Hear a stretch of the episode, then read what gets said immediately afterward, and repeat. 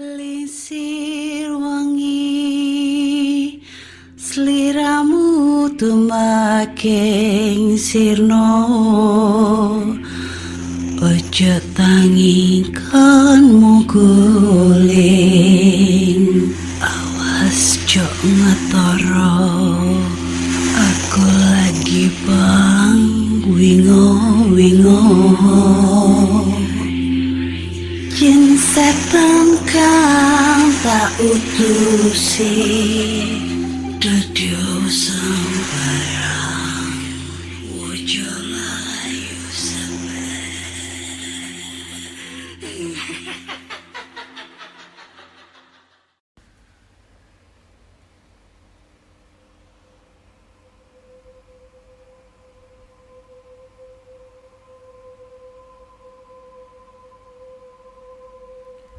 Assalamualaikum warahmatullahi wabarakatuh. Selamat datang di podcast kisah horor.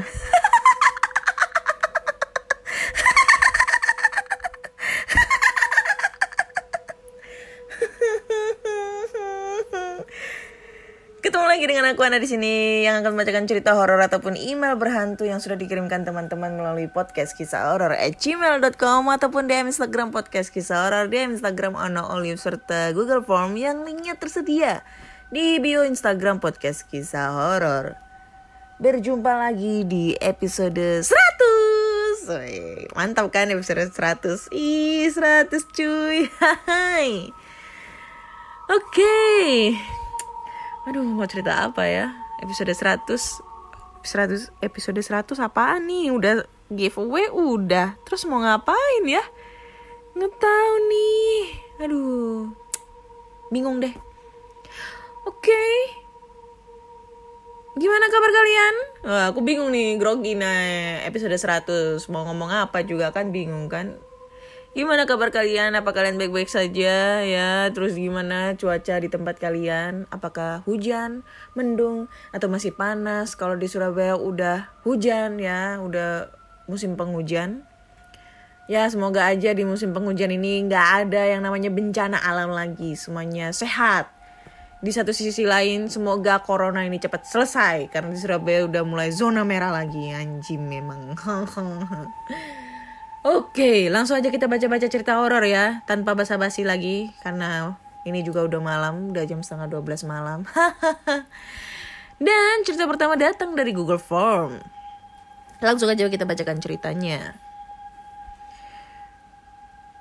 Nah, ini ini ini. Oke, ini dia. Assalamualaikum, waalaikumsalam. Selamat malam Mbak Ana. Panggil aja gue Ben. Benten yang bisa berubah-berubah itu ya. Jadi monyet jadi kadal jadi buaya buntung jadi apa lagi? Asal gue dari Kabupaten Bandung Barat. Wah pada larang pasti ya pada larang pada larang ya. Aku pernah ke Bandung Barat nih pada larang nih ya. Oke.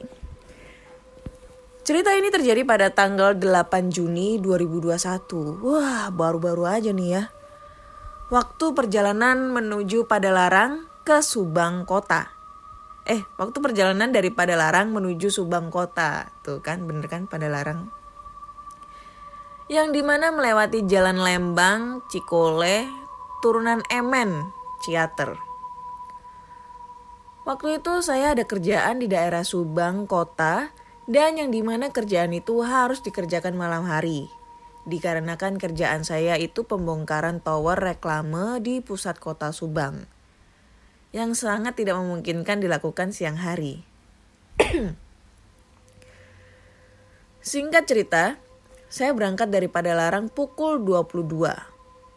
Saya pergi bersama teman saya berboncengan motor. Memang sangat riskan perjalanan ke daerah Subang malam hari, apalagi menjelang tengah malam, namun pekerjaan menuntut itu. Perjalanan normal saja pada larang Lembang kota. Eh, perjalanan normal, sa normal saja pada larang Lembang kota. Setelah masuk daerah Cikole, mulai tuh jalan sepi banget dan sangat jarang kendaraan beroperasi di jam tersebut. Setelah masuk daerah turunan Emen, Ciater, Mulai tuh perasaan tidak karuan terutama teman saya. Panggil aja G. Si G orangnya emang sensitif banget sama hal yang seperti itu. Dan ya, saat kita melewati turunan Emen, kondisi jalan sangatlah sepi dan kosong. Meskipun di warung pinggir jalan banyak banget orang dan sangat rame, namun beda halnya dengan jalanan yang begitu sepi. Saat berjalan, sampailah di daerah yang kanan kiri itu semua perkebunan teh terdengar suara ketawa yang begitu kencang. Terdengar suara menertawakan meledek gitu ya. Dan sangat tidak mungkin itu suara manusia.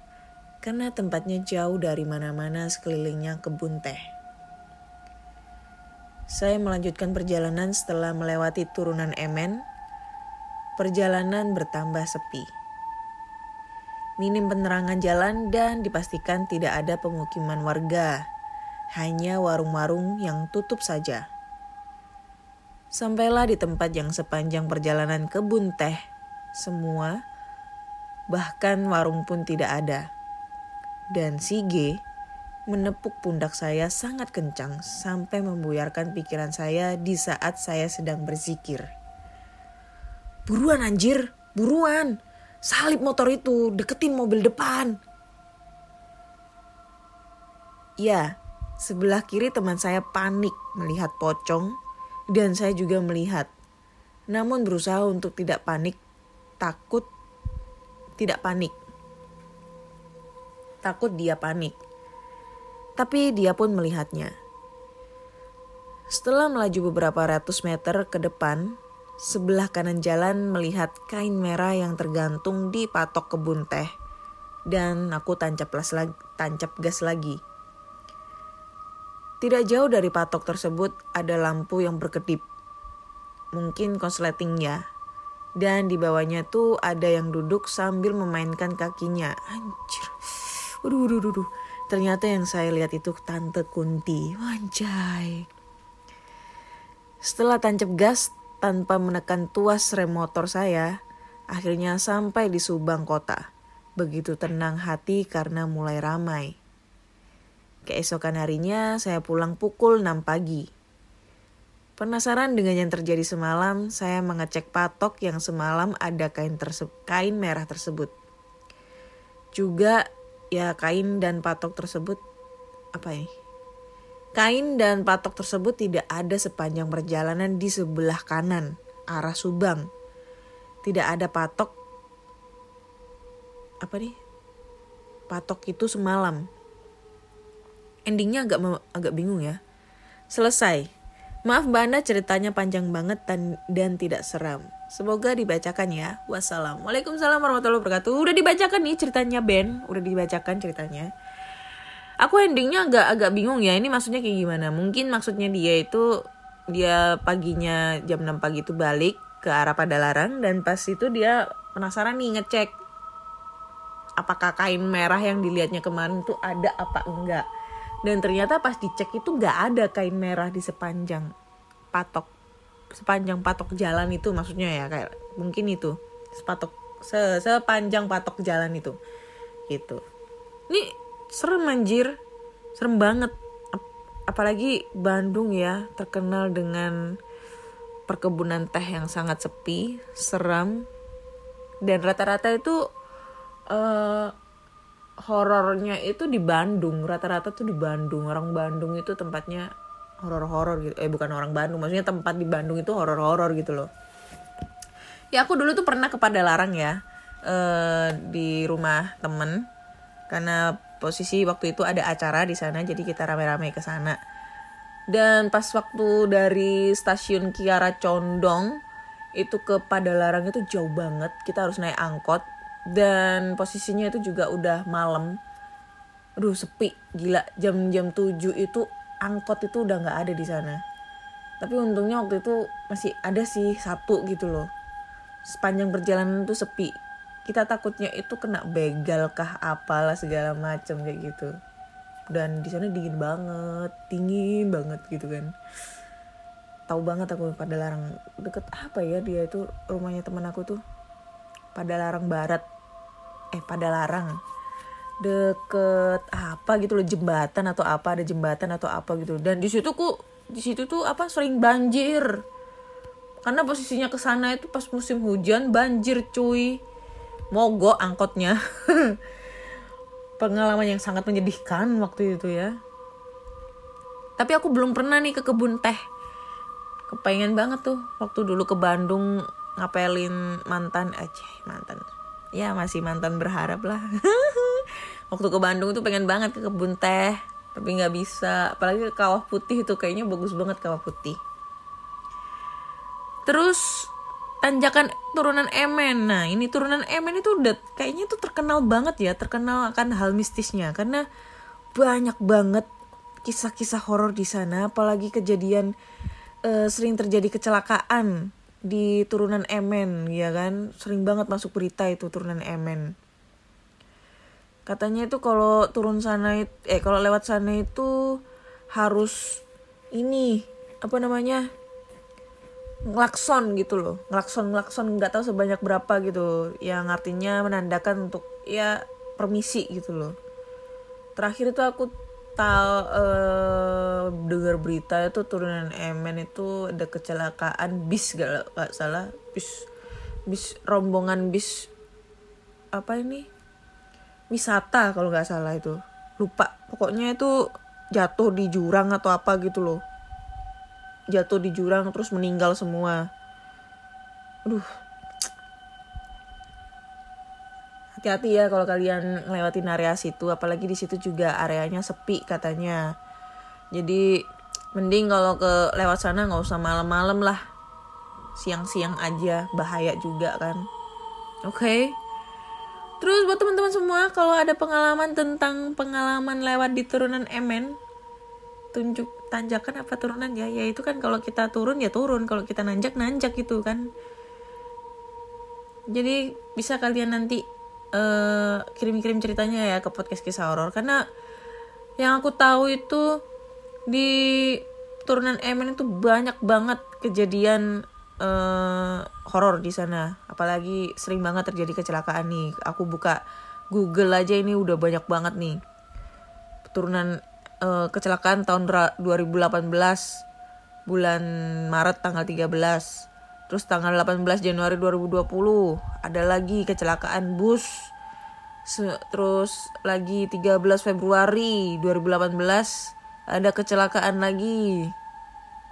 12 Februari ti- 2018 kecelakaan juga. Ini kok kayaknya ada satu kaitan ya kalau aku lihat dari artikel ini tanggal 12 Febru 12 Februari 2018 kecelakaan. 13 Februari 2018 kecelakaan. 19 Januari 2020 kecelakaan. 12 Maret 2018 kecelakaan. Ini kayaknya kayak berurutan gitu loh aturannya untuk eh apa namanya? Eh ini kayak apa ya ibaratnya itu? Kayak berurutan gitu loh. Eh tragedi kecelakaannya. Ya kan? Coba ya kita cek lagi artikelnya. Ini kalau kalian nggak percaya coba deh cek di di Google. Terus kalian cek itu eh tanggal tanggal ininya. Tanggal kecelakaannya apa tanggal tragedinya nih? Beneran gue nggak bohong nih 7 Desember 2019 kayak tanggalnya tuh kayak berurutan gitu dan ya belasan-belasan lah nggak sampai puluhan. Apalagi ini yang jadi serem ini nih tanggal 12 Maret 2018 terjadi sebuah kecelakaan di turunan Emer eh Emer Emen. Nih ya. Coba nih ya ini aku bacakan salah satu artikel yang membuat kalian merinding ini kayaknya kayak kebetul entah itu kebetulan entah itu emang suatu ada hubungannya dengan mitos-mitos apa apalah gitu ya. Nih. Tanggal 12 Maret tahun 2018 kecelakaan kembali terjadi di turunan Emen Ciater Subang. Satu mobil minibus jenis Elf terguling pada Senin sekitar pukul 12 siang. You know, 12 siang. Terus ada lagi. Tempat kecelakaan minibus tersebut menurut dia ini katanya yang ini ya tadi yang yang tadi tanggal 12 Maret. Kecelakaan cepat tepat pada pukul 12 siang dan korbannya itu ada 12 orang. Gila. 12 12 12. Menurut lu itu tandanya apa tuh? 12 12 12 kecelakaan pada tanggal 12 Maret 2018 pukul 12 siang yang menewaskan sekitar 12 orang di sana. Dan kecelakaan tersebut persis dengan tempat kecelakaan bus wisata yang menewaskan 27 orang pada 10 Februari. Oh my god. Ini yang membuat aku bingung itu adalah 12 12 12. Coba kalian cek ada itu.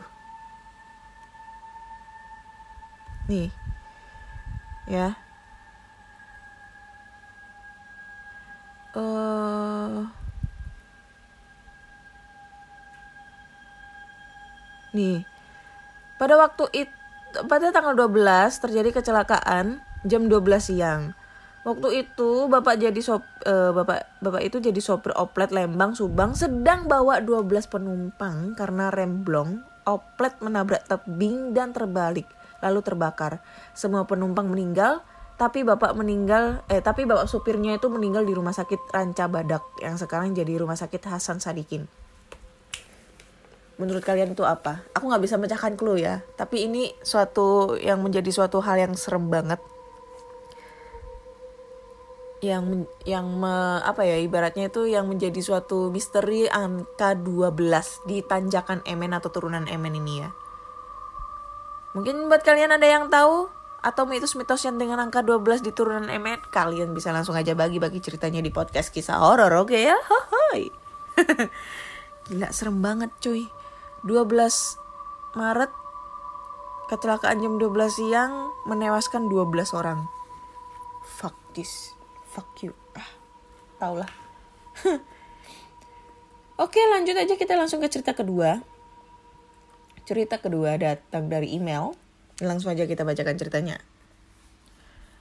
Halo Kak Ana, saya Dwi. Di cerita kali ini aku bercerita tentang gosip hantu kepala buntung yang pernah dialami teman sekolahku sekaligus tetangga sebelah rumahku. Di era itu sangat banyak aneka permainan dan anak-anak bermain di luar rumah tanpa ada HP atau gadget seperti zaman sekarang. Tentu saja membuat lahan tempat bermain tidak sulit di daerah kami. Selain banyak kebun kosong yang bersih dan halaman rumah yang luas, membuat nyaman untuk tempat bermain. Nah, sebut saja Novian, Angga, Nurudin, dan dua orang lagi, entah siapa namanya. Malam-malam mereka berlima sedang janjian akan nongkrong dan bermain. Di depan rumahku dulu ada lapangan voli, dan di setiap sudut belakang lapangan ada tempat duduk untuk penonton yang terbuat dari beberapa bambu.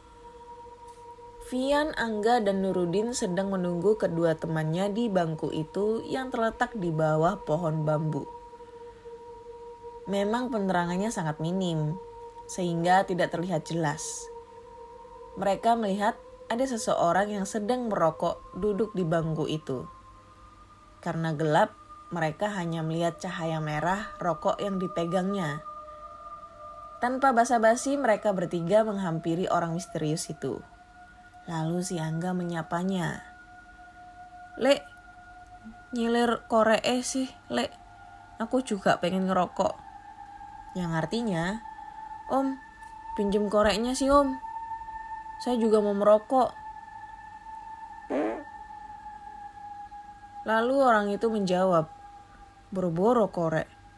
Das wis, eh, das we orang duwe, orang duwe, boro-boro korek. Kepala aja nggak punya, Sontak mereka terkejut, lalu mengamati orang misterius tadi dalam cahaya remang-remang. Setelah jelas mereka langsung bubar alias lari terkejut. Lalu mengamati orang misterius tadi dalam cahaya remang-remang. Setelah jelas mereka langsung bubar alias lari ke rumah Angga dan mengunci pintu. Keesokan harinya pada geger cerita tentang hantu kepala buntung itu. Ibunya Angga tertawa bercanda. Kenapa nggak kalian kasih aja nih? Ada pentol korek buat kepalamu. Begitu, kata ibu Angga pada anaknya. Lalu semua malah pada bahas hantu itu yang berada di tempat lain atau kota. Bahwa ada seorang laki-laki yang memakai motor ninja atau pembalap dia selalu memakai helm rapat seperti pembalap Rossi dan membeli bahan bakar bensin di pom Pertamina. Setelah selesai mengisi bensin, si petugas meminta uang bayarannya. Tapi laki-laki itu malah membuka helmnya sambil berkata, Boro-boro uang, kepala aja saya nggak punya, katanya. Sontak si petugas kaget dan satu orang yang mengantri di belakangnya langsung pergi tanpa basa-basi dengan motornya. Konon laki-laki itu adalah pembalap yang sering menang taruhan. Karena ada temannya yang iri, sehingga merencanakan sesuatu untuk membuatnya celaka. Akhirnya dengan cara taruhan dan di sela-sela taruhan, kepala laki-laki itu putus dari badannya karena terkena benang seperti nilon yang direntangkan di jalan pertandingan. Sejak saat itu, arwah laki-laki kepala buntung selalu berkeliaran untuk mencari kepalanya. Dia akan mendatangi siapa saja dan bertanya, "Apakah kamu tahu kepalaku?"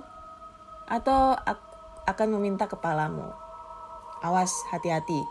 Siapa tahu Anda yang membaca ini adalah sasarannya dan dia akan mendatangi Anda. Wanjay lu ngedoain gue anjir ngedoain gue supaya gue ketemu kepala buntung. Tapi nih ngomong-ngomong masalah kepala buntung yang ngomong boro-boro punya duit kepala aja nggak punya. Nah yang jadi pertanyaannya itu setan kan nggak punya kepala.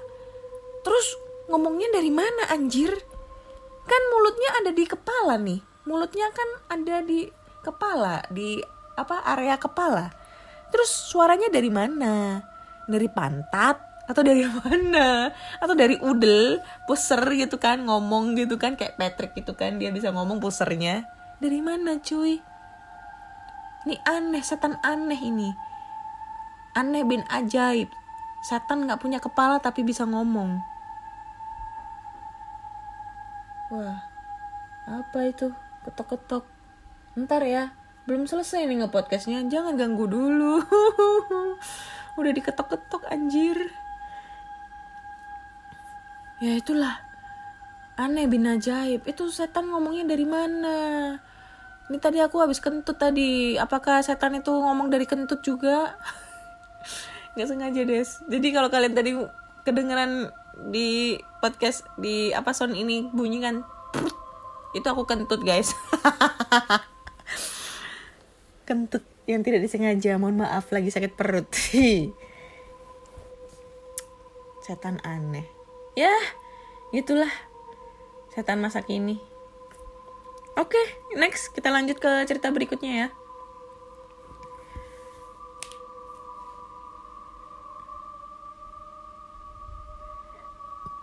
Cerita berikutnya bentar. Hmm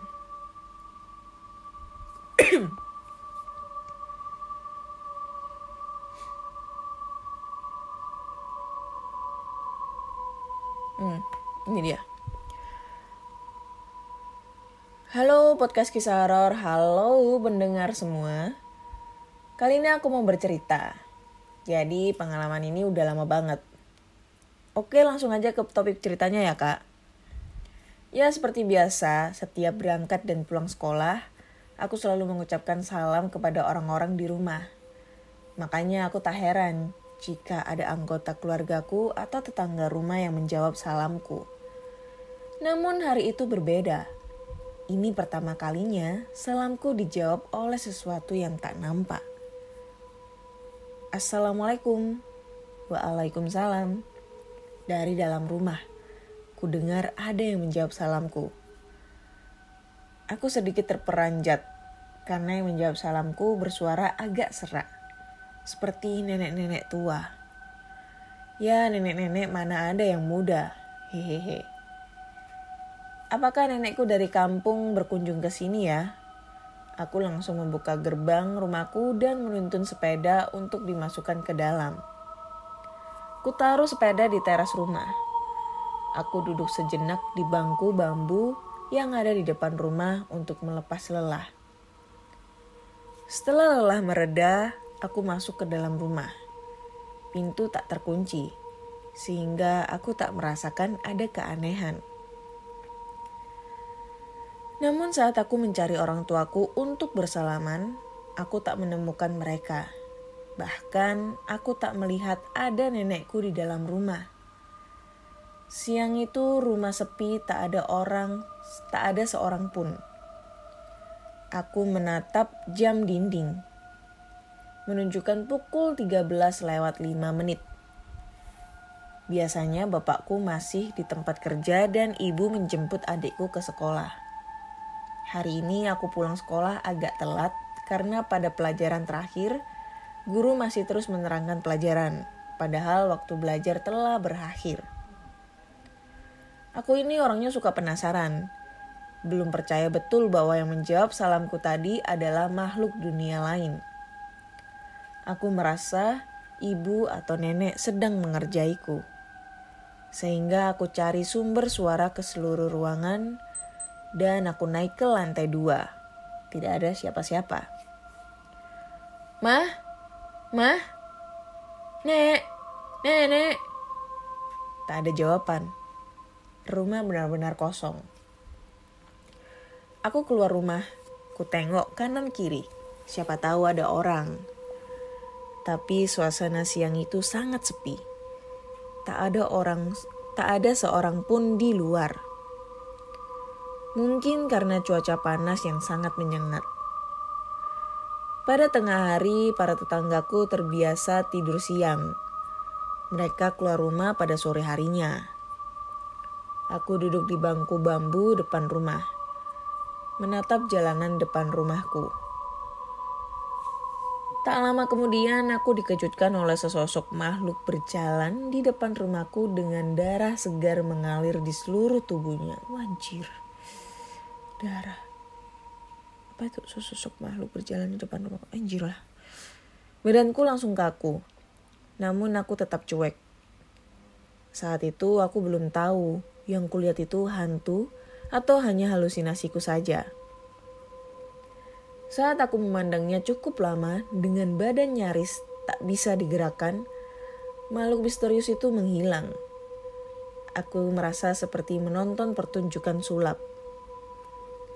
Belum sempat aku berpikir jernih, tak lama kemudian ibuku pulang ke rumah bersama adikku.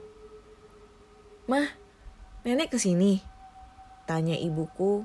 Eh, aku tanya ibuku yang sedang memarkirkan motor di depan rumah. Enggak, nenek kan lagi di kampung. Tadi aku dengar ada suara nenek jawab salam aku. Kamu salah dengar kayaknya. Ibuku langsung masuk ke dalam rumah membawa tentengan belanjaan. Aku langsung mengambil telepon rumah. Aku telepon nenekku di kampung. Assalamualaikum nek. Nenek sehat? Alhamdulillah kak. Tumben nelpon lagi. Ada apa? Loh, nenek sekarang lagi di mana? Di rumah. Kenapa? Kamu ngomongnya kayak orang habis dikejar-kejar hantu. Oh, Aku kira nenek ke sini. Ya udah ya nek. Iya. Klik. Bulu kuduku mulai meremang. Siapa yang menjawab salamku tadi? Apakah itu kamu atau dia? Huhui. Sampai sekarang aku masih mempertanyakan. Bantu aku menemukan jawaban yuk. Jangan lupa kenalan sama aku ya, nggak mau. Oke, Terima kasih Kak Ana udah dibacakan cerita aku. Next aku akan cerita tentang pengalaman horor di rumah aku yang lainnya. thank you Rida buat ceritanya lu endingnya malah ngajak tebak-tebakan malah ngajak kenalan lagi kan aku cewek lu juga cewek nanti jeruk makan jeruk ya apa sih jangan sampai kamu belok ya. Lagi musim bro. Viral bro di TikTok ya kan? Setiap aku nonton TikTok itu FYP-nya gambar pelangi terus gambar pelangi terus bosen aku liatnya. Ya kan? FYP ini nggak ada gitu yang normal-normal aja gitu. Kenapa harus pelangi-pelangi ada di matamu? Tapi ini yang jadi pertanyaan juga ini dia nggak ngeh loh. Ini ada kata-katanya eh waktu dia nelpon neneknya ini si nenek ada kata-kata gini. Mana tadi? Oh. Tumben nelpon lagi. Ada apa? Loh tumben nelpon lagi. Berarti kan sebelumnya neneknya itu ada telepon yang mengaku nama Rida. Tapi si Rida nggak ngeh nih kalau kalau neneknya itu lagi nanya, kok nelpon lagi? Ibaratnya kayak gitu ya. Anjay, serem nih kalau di rumah ada yang nyaut. Itu dah aku tuh suka kalau di rumah itu kalau masuk rumah itu kadang ya aku kadang kalau lupa itu aku nggak salam. Tapi kadang itu kalau aku juga suka parno sendiri kalau misalnya aku salam assalamualaikum. Terus ada yang jawab waalaikumsalam. Wah anjay. Parno banget itu sumpah. Anjir apaan tuh Iya iya iya, ntar lagi ya, ntar lagi. Bentar lagi, ini udah mau selesai nih, udah mau closing nih, gak usah ganggu-ganggu. Gak usah dijatuh-jatuhin tuh barangnya. Anjir lah, gak suka aku. ya itulah pokoknya. Kayak gitu gue suka parno sendiri kadang itu aku juga sering salam masuk ke dalam ruangan tuh salamnya dalam hati nggak nggak harus diucapkan assalamualaikum gitu karena biasanya tuh suka parno kalau kita ngucapin terus tiba-tiba ada yang ngejawab jir waalaikumsalam. Padahal di situ nggak ada orang nggak ada siapa-siapa. Ya kan? Aduh apalagi nih sekarang udah udah mulai ada gangguan-gangguan makhluk makhluk U, UFO makhluk apa anjir nggak tahu. Dari tadi ada ketok-ketok. Terus barang dijatuh-jatuhin. Nggak tahu apa yang dijatuhin tuh. Kayaknya dari atas meja depan kamar deh aduh mulai nggak enak perasaanku. Ya itu deh pokoknya. Ya itu pokoknya udah tiga ya anjir lah nggak gagal fokus gue kenapa sih ya kalau misalnya kita baca cerita itu ada aja gangguannya itu ya? Ada aja gangguannya anjir lah. Pusing gue. Oke deh, terima kasih udah ngedengerin podcast kisah horor. Udah tiga cerita yang udah aku bacain. So buat kalian semua yang pengen bagi-bagi cerita pengalaman pribadi, pengalaman horor, entah itu pengalaman kalian sendiri, kakak, kakak, adik, ayah, ibu, kakek, nenek, tetangga, saudara, pacar, selingkuhan, pelakor atau siapa pun itu juga, kalian bisa langsung aja kirim cerita kalian ke podcast kisah horor at gmail.com atau DM Instagram podcast kisah horor, dia Instagram mana Olive serta ambekan sih. Google Form yang linknya tersedia di bio Instagram podcast kisah horor. Jangan lupa follow Instagram podcast kisah horor agar followersnya banyak ya, biar bisa swipe up swipe up gitu kan, biar bisa jadi selebgram, biar bisa endorse endorse gitu ya. Atau juga kalian bisa uh, follow podcast kisah horor di Spotify agar kalian selalu update tentang cerita-cerita horor terbaru. Dan kayaknya minggu depan udah mulai masuk ke season 2 ya karena ini udah masuk episode 100. Aku bikin season 2 ya biar kayak uh, podcast yang melejit gitu kan melejit tinggi amin ya Allah biar podcast gue terkenal gitu dari podcast bisa menyaingi podcast-podcast horor senior ya seperti podcast malam kliwon. Wih, suhu, suhu, suhu bener itu. Suhu aku itu. Terus ada lagi podcast bagi horor, ada lagi aduh, pokoknya idola-idola semua itu ya. Thank you semua udah ngedengerin podcast podcast kisah horor. Maafkan jika ada salah-salah kata dan akhir kata saya pamit. Bye bye.